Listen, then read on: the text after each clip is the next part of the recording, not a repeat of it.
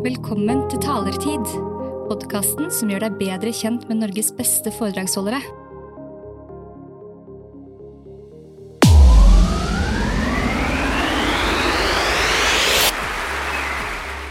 Wow.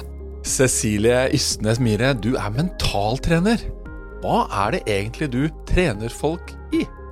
Godt spørsmål, Nils. Eh, jeg trener jo folk i å prestere bedre. In the end of the day så skal de få enda mer ut av styrkene sine eh, og ja, den jobben de legger ned på det de kanskje brenner mest for, eh, etter at de har vært i en prosess med meg, enn uten. Og når vi skal trene kroppen, så vet vi at ofte det første skritt er å få på seg joggeskoene eller komme seg inn på treningssenteret. Hva er et godt utgangspunkt hvis man ønsker å jobbe med mentaltrening? Hvor, hvor begynner man den? Ja, det er et uh, veldig bredt svar på det, for det er så individuelt. Fordi vi alle er forskjellige. Uh, så for noen så handler det om å ta ut de siste eksemplene. F.eks. når vi jobbet med Ada Hegerberg, så snakker vi om en av verdens beste fotballspillere. Uh, så, hun er jo på prosenten av hvor hun hele tiden har lyst til å screene hvor er det jeg har noe å hente. Og jeg syns det er et sånt eksempel som man ser på de beste innenfor sine områder hele tiden også. Det er nesten så jeg noen gang kan lure på hvor skal jeg begynne med deg, fordi du er ekstremt god på det du gjør etter. Men det er en sånn mentalitet de beste har, de vet de alltid har noe å gå på, og da handler det om å kartlegge litt og se på hvor er det du selv mener du har mer å gå på, og de finner jo masse mestring i den screeningen, eh, og se på hva er det som sitter i hodet som igjen kan påvirke de valgene jeg tar i hverdagen, som gjør at jeg får eh, kanskje en mer effektiv reise fram mot målsettingene mine.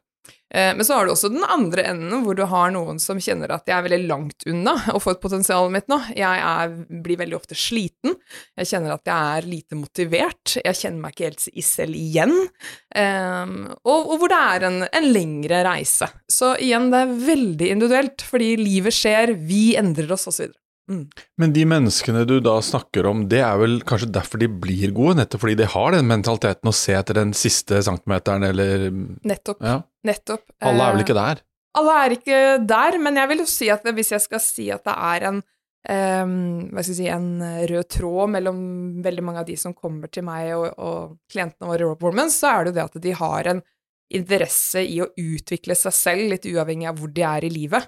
Ehm, de, de, finner eh, mye motivasjon i det å jobbe med seg selv, eh, og tenker at det er også en del av det som er innenfor deres kontroll. Så det, det er det de har til felles. Mm. Og Apropos livet, eh, kan du si litt om ditt liv, og hvordan du ble opptatt av nettopp dette med prestasjon og, og mentaltrening? Ja, det er, det er et veldig enkelt svar på det. Jeg er nok blitt stort preget av faren min, som var fotballspiller. Eh, så jeg og mamma vi reiste rundt etter han, ettersom han ble solgt i forskjellige klubber på 80- og 90-tallet. Eh, og han ble jo da senere trener og også banksjef. Og, og så når vi satt rundt middagsbordet, så var det snakk om lagarbeid, prestasjoner, hvordan yte bedre, og nordlending som jo han er også, så fikk jeg jo høre det liksom ganske klart ut at vil du få til noe her i livet, så er det bare å jobbe hardt. Men veld, han var veldig interessert i det mentale, eh, så jeg kjente veldig tidlig et kall på at jeg ble interessert i psykologi, så jeg begynte å studere det med en gang etter videregående. Visste hva jeg ville, og um, hadde ganske sånn klar plan på hvordan jeg ville bruke psykologien. Jeg er litt for utålmodig sjel til å jobbe med terapi. Eh, men ville veldig gjerne være med på å påvirke sterke prestasjoner. Og hva er det vi kan hente da fra psykologien som må ligge i bunnen? Hva er liksom de viktigste lærdommene fra psykologien hvis vi skal da prestere bedre, gjøre ting enda eh, ja, bedre enn det vi gjorde i går? Ja, jeg tenker jo sånn um, Psykologi er jo liksom studiet av mennesket. Eh, så jeg tenker jo at det det handler i stor grad om, er at desto bedre vi kjenner oss selv, eh, styrkene våre, svakhetene, hva vi har å jobbe med, hvordan hjernen fungerer, hvordan det påvirker valgene vi tar i hverdagen, desto større sjanse har vi også for å faktisk få ut potensialet vårt. Eh, selv om det høres litt sånn prevensiøst ut, det også, så er det jo litt det det handler om. Når jeg vet hva jeg har å jobbe med, så kan jeg spille med meg selv, og ikke mot hjernen da, eller psykologien. Kan du gi et eh, eksempel på det, hvordan hjernen liksom snakker til oss i hverdagen? Ja, for eksempel så er det jo litt sånn at eh, når vi står opp om morgenen, så, så kan jo humøret vårt være litt variert, litt ut fra hva vi leste av e-postkvelden før, hormoner, for oss damer kanskje enda mer svingende. Eh, følelsesaspektet vårt, eh, det fysiske, mangel på søvn. Så, så, når vi står opp om morgenen, så er det jo veldig vanlig at den dagsformen vår varierer. Når du er god på å liksom, sjekke inn med deg selv, kjenne hva er det jeg har å jobbe med, så vil du vite mye mer hva er det jeg må ta kontroll over i dag. Må jeg ta litt mer kontroll over følelsene mine, tankene mine, eller er dette en kjempebra dag? Det er noe jeg skal druse på eh, og kjøre litt mer på. Det er bare ett eksempel. En slags samtale med seg selv? Ja, en slags samtale med seg selv, og det å evne å være veldig i kontakt med seg selv. Mm. Eh, og også møte seg selv kanskje med mer omsorg også innimellom, eh, for at eh, nå er jeg veldig emosjonell, eh, nå er jeg veldig lav på energi, eksempel, så selv om jeg har min morgenrutine, kanskje skal jeg skippe den vanlige morgenrutinen, bruke litt mer tid, tillate meg å være, jobbe litt mer alene i dag enn hva jeg vanligvis ville gjort, og således blir, blir du faktisk mer effektiv, finner mer mestring og motivasjon, og klarer å få ut mer av potensialet over tid. Men dette med det psykologiske er jo veldig spennende, og det er veldig variabelt fra menneske til menneske. Er det sånn at noen mennesker nærmest er, har en eh, veldig god grunnutrustning for å tenke tanken og liksom ta kontroll og drive med positiv selvsak, og andre ikke får det til, eller er det mer en uh, dynamisk sak? Jeg må jo si at etter syv år på universitetet så tror jeg man fortsatt ikke har blitt enige i, i forskningen om, om, dette. Men jeg vil jo si da at ja, selvfølgelig så har genetikken og det vi har blitt født med, ganske mye å si hva gjelder personlighet. Men for eksempel forskningen til Angela Duckworth, som har da forsket mye på grit, for eksempel, eh, viser jo at både grit og mental styrke, det er jo noe vi kan trene på, det er noe vi kan utvikle. Eh, og så tror jeg at eh, det har litt med utgangspunktet å gjøre. For eksempel så er jo jeg en eh, type som er ganske introvert. Jeg kan være ganske sjenert. Ser ikke sånn ut. Eh, nei, nei, det er veldig mange som ikke tenker det. Men, men, jeg har jo lært meg da på hvordan jeg kan skru på den knappen for å, for å være i rom eh, og opptre ekstrovert, fordi det er veldig viktig i min jobb, eh, og jeg ønsker å hjelpe andre. Men vil jeg finne like mye, kall det, glede og energi i den sonen enn en som er naturlig ekstrovert og utadvendt? Det tror jeg ikke, for eksempel. Så det er jo noe vi alle alltid må kanskje jobbe litt mer med enn andre, men det er det som er så spennende òg. Men den gode nyheten er jo at vi kan endre atferd. Ikke nødvendigvis personlighet, men vi kan endre atferd, og dermed så adopterer vi også det som en del av oss selv. Dere psykologer snakker jo ja, nå, nå generaliserte jeg. Mange psykologer snakker om dette med vaner. Mm. At, at, skal du endre atferd, så må du endre vaner. Er det så viktig som man hører?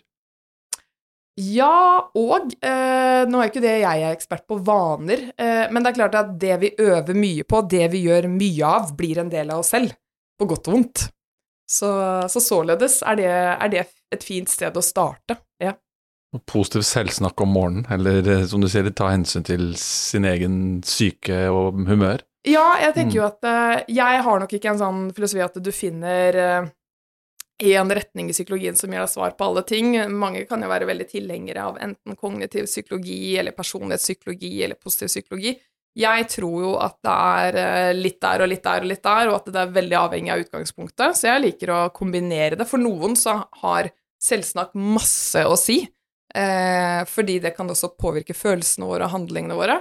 Eh, men for andre så kan det starte med at man bare handler annerledes, og så påvirker det igjen selvsnakket. Så hvor du starter eh, i den atferdsendringen, hvis det er målet, det er veldig individuelt. Mm. Du brukte akkurat et uttrykk, grit, og det er også navn på en, en podkast som du har hvor du snakker med folk om grit. Hva er grit, egentlig? Ja, grit er jo det som i hvert fall kjennetegner mennesker med glitt, da, det er jo at de har eh, en ganske sånn klar purpose eller mening med hvorfor de står opp om morgenen, og den meningen, den gjør jo at de klarer å stå på, jobbe på, litt uavhengig av hva de møter på av motstand. Så kall det gjerne at de har en sånn mental utholdenhet eh, til å jobbe på over tid, da, uten å slite seg ut. Jeg ser for meg sånn gassbrennerflamme. Altså som bare brenner hele tiden? Ja, og, og, og, det var litt sånn gøy, fordi eh, det er jo ikke så mange måneder siden Elon Musk gikk ut ganske hardt og kjørte Kjørte folka sine ganske hardt. Og, og da gikk jo faktisk liksom Angela Duckworth ut i, på LinkedIn og skrev at det liksom for the record, no. Altså, grit handler ikke om å grinde seg selv into a state of burnout. Eh, det handler jo mer om å finne noe som er såpass meningsfullt for deg, at du finner mening, motivasjon og balanse over tid. Mm. Eh, noen ganger hardt, ja, men først og fremst positivt. Og det syns jeg var en fin nyansering. ja. Kan du sånn fra på spontant i eksempel noen, noen kjente mennesker i Norge som du tenker har mye glitt? Ja, eh, det er vel kanskje egentlig bare å se på eh, intervjulisten min på Great Podcast, for der har jeg fått lov til å håndplukke mennesker som jeg syns har i hvert fall noen klare karakteristikker av eh, grit. Eh, og Erna Solberg er jo en av de, uten tvil. Hun er jo kjent for en ekstrem arbeidskapasitet. Eh, og uten tvil våger å ta risiko uten å alltid ha for høyt beslutningsgrunnlag i eh, i en eh, maktrolle i Norge, da, som, som mange hadde kjent på relativt høye skuldre på. Mm, mm. Eh, så jeg syns jo hun er et veldig, veldig klart og godt eksempel i en sånn rolle. Og så har du jo andre som liksom alt fra Pia Tjelta, som er eh, en av Norges beste skuespillere på en kunstscene, står på scenen i, i London og har klart å leve av skuespilleryrket, som er en beintøff bransje. Så vi finner grit i alle deler av samfunnet, alle aldre, og ja, det er det jeg syns er gøy. Jeg har også personlig glede av å høre samtalen du hadde med Kristin Skogen Lund, eh, Ja. konsernsjefen i Skipsted. Eh, Så litt reklame for din podkast. Det var en, en episode jeg likte godt. Hun er en klok person som eh, har veldig reflektert holdning rundt uh, veldig mange ting. Ja, veldig. Du jobber altså som mentaltrener. Kan du si litt om hva slags oppdrag en mentaltrener gjør? Kan du ta oss litt med liksom, på en dag på jobben? Hvordan, hva gjør du egentlig i den jobben din? Eh, så jeg liker jo da å formidle anvendt psykologi, altså rett og slett liksom ikke bare teorien, men hvordan du kan bruke psykologi. Eh, så som mentaltrener så jobber jeg både én-til-én, så det kan være at jeg har eh, et knippe folk som har litt ulike bestillinger til meg. De ønsker f.eks. å bli mer effektive i lederjobben sin. Eh, noen ønsker å nå målene sine på idrettsbanen. Eh, noen har gått på en skikkelig smell og vært, hatt et kjempepotensial, men, eh, men rett og slett brent seg ut og må bare jobbe seg tilbake for å finne tilbake til kaliberet sitt. Så stort sett en kombinasjon av én-til-én-samtaler, og så holder jeg gjerne et foredrag, f.eks. For gjennom talerlisten, eh, om mentaltrening, mental styrketrening. Eh, og så liker jeg å skrive. Formidle det i skriftlig form også, så jeg har skrevet to bøker og er i gang med min tredje. Ehm, så det finner jeg veldig glede i, i tillegg til at eh, jeg driver da denne podkasten Grit. Og det, det handler egentlig bare om å hjelpe folk, da. Det er det jeg brenner for. Å hjelpe folk å finne verktøy til å bygge opp selvtillit, fokus, motivasjon. For jeg syns det er altfor mange som tenker ja, men har jeg noe å gjøre på det nivået, kan jeg ta på meg den oppgaven når det krever litt mer av meg? Jo, jeg mener at det hadde flere turt å utfolde seg og bruke styrkene sine, hvis de bare visste litt hvordan. Når du da møter disse menneskene én til én, du møter grupper, du skriver bok, kan du si noe om hva, hvilket tema eller tematikk er det som kanskje er, folk er mest opptatt av rundt dette med mentaltrening og prestasjon? Jeg vil si at det er, eh, i hvert fall kanskje nå de siste årene, litt kanskje med tanke og preget av pandemien, eh, post-pandemi, eh, at det er to temaer. Det ene er selvtillit. Selvtillit? Ja, selvtillit, ja. altså øke tilliten til sine egne ferdigheter når det er så mange endringer. Eh, så det betyr ikke at de har dårlig selvtillit, men de, de kjenner at jeg er nødt til å forberede meg til å være robust i møte med endringene som skjer i samfunnet. Eh, og det andre er rett og slett eh, altså håndtere stress. Balansen i regnskapet, finne ut av denne hybride arbeidshverdagen sin. Enten det er time management, energy management. Mm. Mm. Og hva gjør du typisk da, for å gå enda mer inn på det? La oss si du har, la oss si, bare ta et eksempel, la oss si du jobber med en advokat som, som har en, et ønske om å bli blant de beste innen sitt felt, ønsker å tjene godt, ønsker å bli partner, vil bli anerkjent. Hvor, hvor lang kan en sånn prosess se ut? Er det noe du gjør hver uke, hver måned? Fortell litt om det. Eh, ja, det starter jo ofte da med en kartlegging, og da får man eh, i hvert fall umiddelbart et sånn bilde av hvor mye som skal til. Og mentaltrening handler jo litt det samme som fysisk trening. Altså, jeg setter det i system, vi trener på det over tid, så her finnes det jo ikke noe quick fix. Um, men hvis vi f.eks. skal si at det her handler det primært om å bygge muskelen selvtillit, så kan det jo handle om enten å f.eks. at hun eller han lander i sånn Ok, hva er min arbeidsfilosofi som eh, advokat, eh, slik at han og hun kjenner at eh, jeg kan være meg selv i rollen. Jeg skal ikke kopiere den partneren eller eh, den kollegaen, jeg skal kunne være meg selv oftere, men navigere ut fra det. Eh, I tillegg så er det selvfølgelig selvsnakk masse av det, for jeg må screene og se er det noe her vi kan luke vekk? Kan du bli mer offensiv i eget mindset, sånn at du våger mer eh, og blir en bedre beslutningstaker? Eh, og så er målsettingsarbeid ofte en del av det. Så et sånt løp i starten, så har vi kanskje samtaler annenhver uke.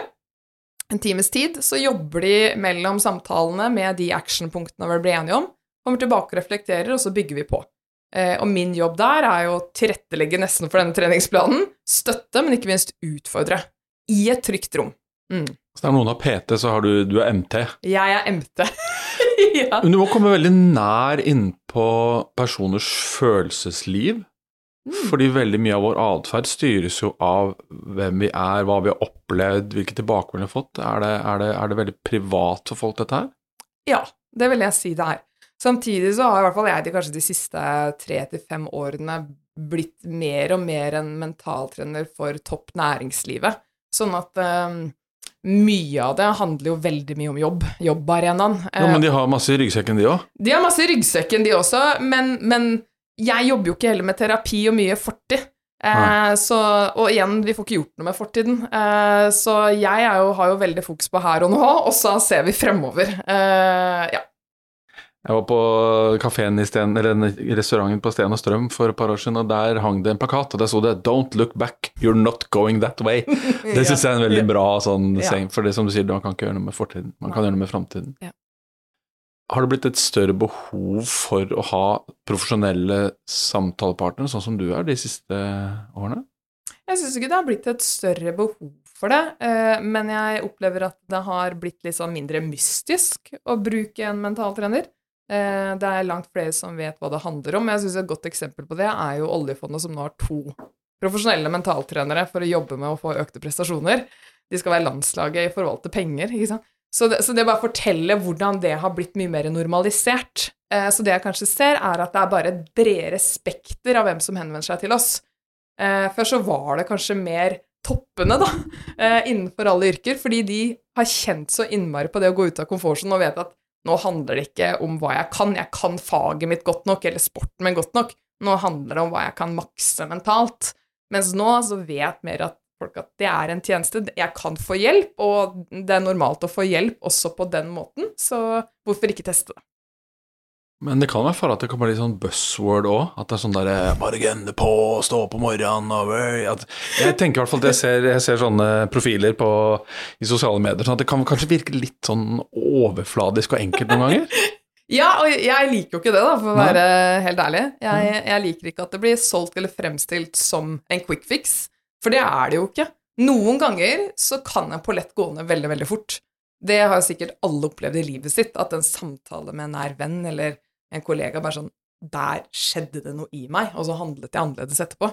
Eh, men jeg tror det er mer sjeldenhetene til. Eh, der det er igjen denne øvingen som gjør noe. Så nei, jeg, jeg tror ikke det Må gjerne gønne på, men kanskje gønne på med mening og, og med en liksom fast takt over tid. Ja. Du sa i stad at flere av de som du hjelper, trenger hjelp til stressmestring. Og jeg vet at det er vanskelig å være generell, fordi folk har ulike liv og ulike jobber. Men kan du, kan du, dele noen erfaringer rundt hvordan å få til god stressmestring? Hvordan få til et, godt, en god livsbalanse for folk som er i full jobb og kanskje har både familie og andre forpliktelser i, i hverdagen sin?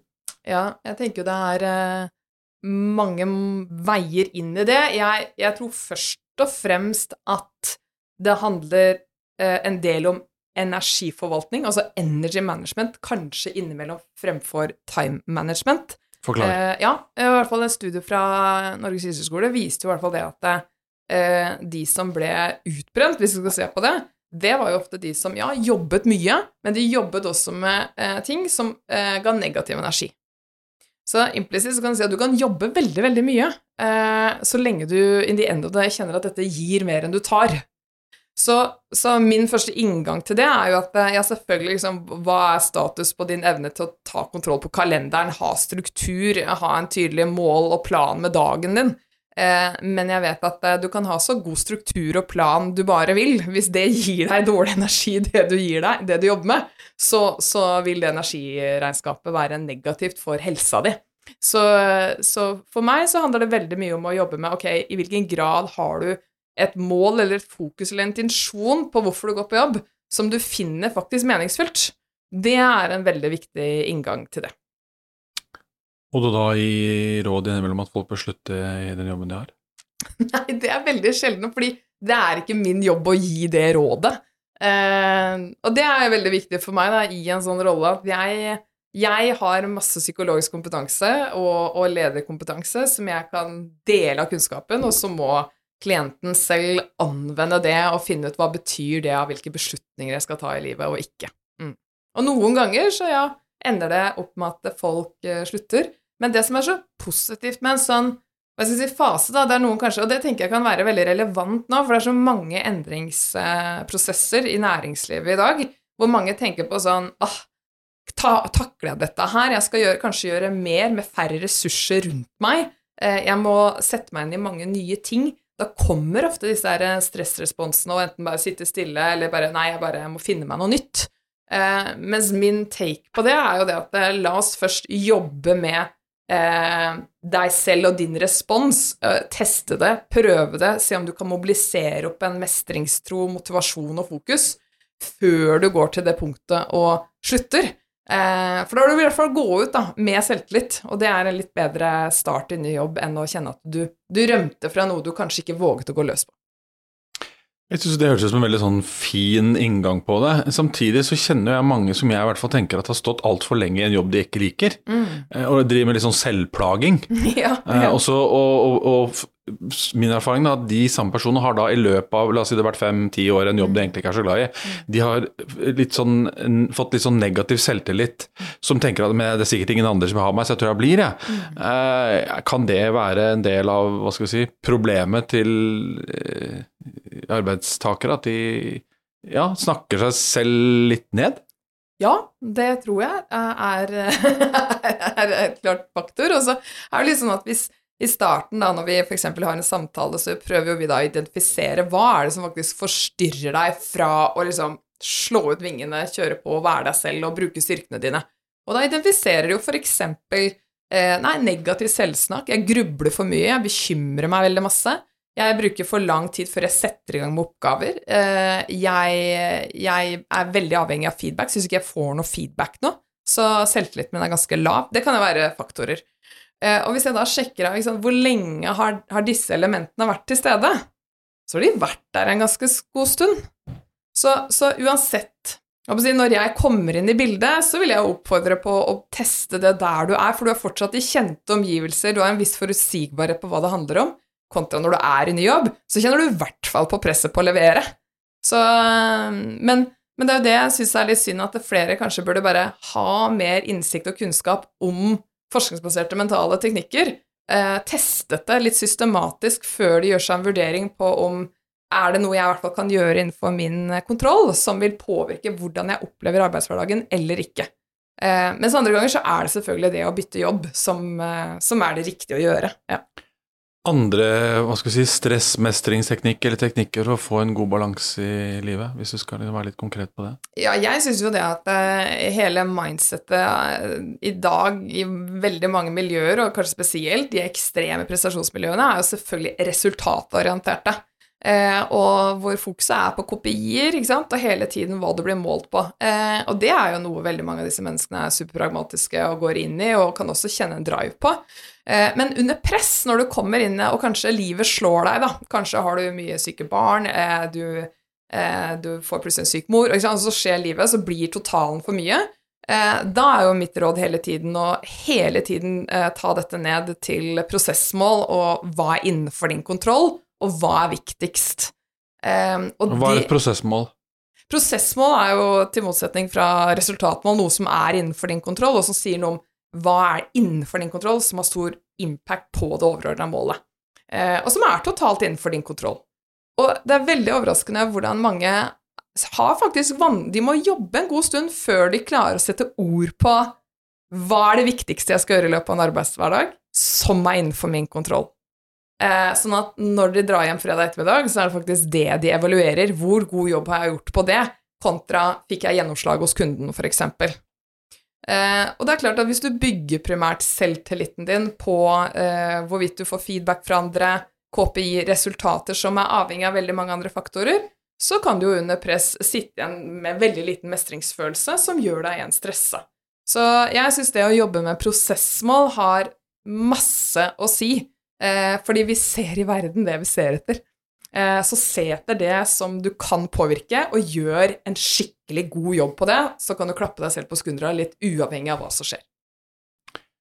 Jeg eh, leser mye rart i Damebladet, blant annet. Eh, en gammel uvane fra. PR-bransjen. Ja. Ja. Og der leser jeg ofte om eh, kvinner som snakker om tidsklemma, og, og de skal prestere, og de skal bake kaker, og de skal trene, og de skal strikke og skal gjøre alt mulig.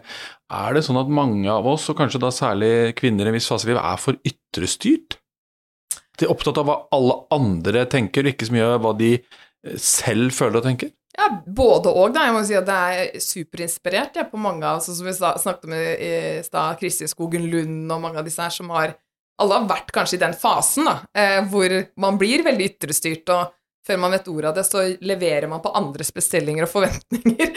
Eh, men det som kjennetegner mange av disse veldig gode folkene, det er at de våkner litt opp i det da, og lærer veldig raskt, og så justerer de, og så skjønner de at tim, altså, det er 24 timer i døgnet. Eh, hva er viktigst for meg å levere på? Eh, og så prioriterer de deretter. Og det må jeg jo si som gründer selv, at eh, jeg hadde aldri klart å i hvert fall vært eh, gründer over 15 år og levert på Raw Performance eh, hvis jeg samtidig eh, skulle dratt på alle venninneturer som har kommet til bestillingen min vei. Ja, jeg kjøper kaker. Elsker å lage kaker, men det er ikke en del av det jeg får prioritert. Eh, så jeg mener jo der må vi være realistiske og pragmatiske, og at alle valg har en oppside, men det er også en nedside. Mm. Men jeg opplever at det, tidvis så er det en liten sånn Ole Brumm-mentalitet. Ja takk, begge deler. Jeg, jeg, personlig kan jeg forstå det, men eh, min jobb som også mentaltrener er jo ofte å utfordre nettopp på det, og, og kanskje ha litt en pragmatisk endring på er du villig, hva er du villig til å forsake mot målet ditt, da? Hvis du vil bli best i noe. Da må du forsake noe, og det er jo noe idrettsutøverne som vi jobber med, har måttet tatt stilling til kanskje allerede i en 13-14-15 års eh, alder. Liksom. Du kan ikke bli best i verden i golf hvis du vil Da, da må du gi opp russetida di, liksom. Du kan ikke være med på russebuss. Jeg tror for mange 17-åringer hadde de hørt det i dag, liksom Det hadde vært en stor beslutning, på samme måte som at vi i 30-åra eller 40-åra eller 50-åra kanskje var sånn Oi, må jeg gi opp kanskje å løpe hver dag, eller Ja. Veldig gøy å si vi i 30-åra, det syns jeg var fint. Ja. Ja. Jo, men det er et godt poeng. Vi har en foredragsholderkollega som heter Thomas Lone. Ja. og Han satte seg veldig tidlig et mål om å nå alle seven summits, altså de syv høyeste fjelltoppene på hvert kontinent, før han var 25. Og Han forteller i foredraget sitt om at da han var student i Trondheim, og gutta skulle ut og drikke øl, så tenkte han ok, skal jeg sitte der og drikke øl, eller skal jeg gå i Bymarka med eh, eh, slepe dekk etter meg? Og da henter han fram målet sitt. Skal vi se, Hva er målet mitt? Har de fjelltoppene. Da tror jeg jeg tar Bymarka i dag, og så tar de ølen en annen dag. Og Det er et eksempel hvor du er veldig bevisst på eget mål, og, og bevisst på hva slags atferd skal til for at jeg kommer dit, og hva må jeg da velge bort. Ikke sant? Og Hvis du ønsker å eh, bruke mer tid med datteren din eller sønnen din og lese på sengen, ja, da må du kanskje ta kjøpekake. Så jeg tenker at de der eh, valgene eh, som man bør ta, er kanskje en viktig del av det å oppnå den Jeg liker ikke ordet stressmessig, men oppnå den livsbalansen og den roen og tilstedeværelsen som man ønsker å ha da, i Ja. e- eget liv. Ja. Mm. Og at eh, har man den planen, så tror jeg man lener seg mer på det også. Og så tror jeg vi alle må også forstå at tidvis så må, må det også være litt ekstremt. Jeg jobber jo veldig ofte med nesten ekstremister. De tøyer den strikken helt til det siste. Um, men får jo også da ekstreme resultater av det. Uh, så, så jeg tenker sånn Det er jo mange som sitter og tenker at ja, men jeg vil jobbe med det, eller jeg vil bli så og så god. Um, Men jeg tenker det er veldig viktig å få frem alt det harde arbeidet som ligger bak. Uh, Men igjen, uh, de må alltid ha en finger på dette her med dette energibalanseregnskapet. Man vil jo alltid teste det litt. Og det er derfor de har folk som meg, som kan holde de litt igjen når de pusher for hardt, men også pushe de når de slacker av. Hva skjer det med deg når du ser at de du jobber med, gjør fremgang eller lykkes eller får uh, suksess? Hva som skjer med meg? Ja. Ja, nei, det tror jeg er beste beskrivelsen på det, er jo en sånn rus. ja. Jeg adopterer litt i stor grad, vil sannsynligvis min mann si, dems mål. Ja. Det er veldig sånn at deres mål blir mine mål. Så eh, det, det er for meg å jobbe med dette, det er en sånn enten-eller. Jeg går all inn i det setter meg inn i casene og hvilke krav de har på sin arena, og går ned i detaljene. På, er du også ute og observerer på jobb eller idrettsbanen, eller ja. er, du, er, du, med? Ja. ja. Mm. Så litt mindre nå som jeg har en treåring, men, eh, men eh, sånn observasjonsarbeid er eh, kjempeviktig. Mm. For det er jo klart det som er utfordrende. Én ting er jo hva disse sier i én-til-én i lukka rom, og når det er lave skuldre trygt rom med meg, og så kan det jo noen ganger være et steg mellom selvinnsikt og utsikt på hva man leverer. Så jeg syns det er kjempegøy når f.eks. ledergrupper også inviterer meg inn i eh, effektive ledermøter og bare Ok, kan du observere oss og se litt hvordan funker faktisk den treningen vi nettopp gjorde med deg for to uker siden? Eh, hvordan syns du det fungerer? også? Både i de evaluering og refleksjoner etterpå. Mm. Stor tillit å få. Masse tillit å få, og en tillit som eh, er kjempeviktig for meg å forvalte riktig eh, når det gjelder til moral og etikk. Vite hvor grensene mine går. Hva skal jeg mene noe om og ikke? Hva kan jeg noe om og ikke? Eh, viktig. Når du holder foredrag om dette, hva ønsker du skal skje med de som sitter i salen når du går av scenen og applausen har eh, lagt seg? Hva skal ha skjedd da? Stående applausen. Ja, etter at det stående, ja, ja, Minutter med applaus over, hva skal de sitte igjen med inni hodene sine? Eh, nei, eh, de skal sitte igjen med eh, en større forståelse for eh, hvordan vi kan jobbe mer i samspill med oss selv. Eh, de skal sitte igjen med, eh, med verktøy som gjør at de skjønner at wow, dette har jeg kanskje gjort litt før, men faktisk så har jeg et uforløst potensial hva gjelder å sette i system, jobbe litt mer nøyaktig med det, og at det er faktisk mulig eh, å bygge opp selvtillit, et sterkere fokus, mer viljestyrke og motivasjon. Det kan jeg gjøre. Eh, og den der nysgjerrigheten på liksom, hva skjer hvis jeg også fokuserer litt mer på dette fremover, kanskje kontra eh, kun fokus på faget sitt, f.eks. Hender det at du får tilbakemeldinger fra folk som har hørt deg, og som forteller om endringer de har gjort i livet sitt? Ja, jeg gjør det. Det, det, jeg opplever, er jo ofte at jeg klarer å plante i hvert fall et sånt frø som, av nysgjerrighet som spirer. Eh, og så er det jo sånn som vi snakket om i stad, at det er jo ikke noe quick fix. Det er det som er så fint med foredraget. Du, du får nesten en form for sånn fin innføring i hva dette handler om. Eh, og så skaper det ofte litt sånn push til at noen da enten velger å kjøpe en bok, fordype seg i det, eller de setter opp nesten litt sånne kollokvier på jobb.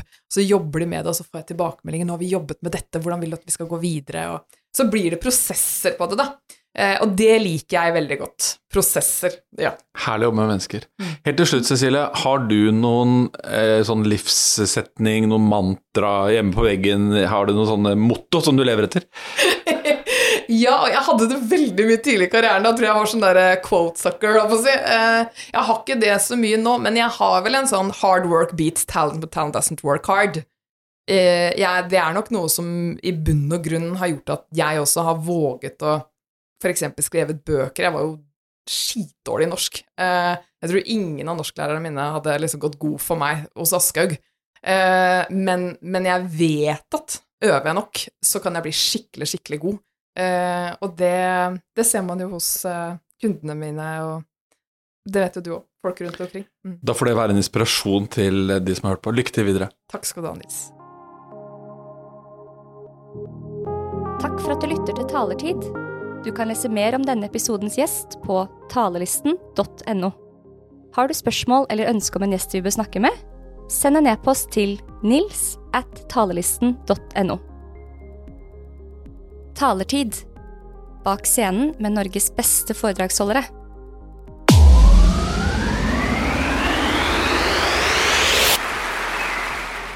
Wow.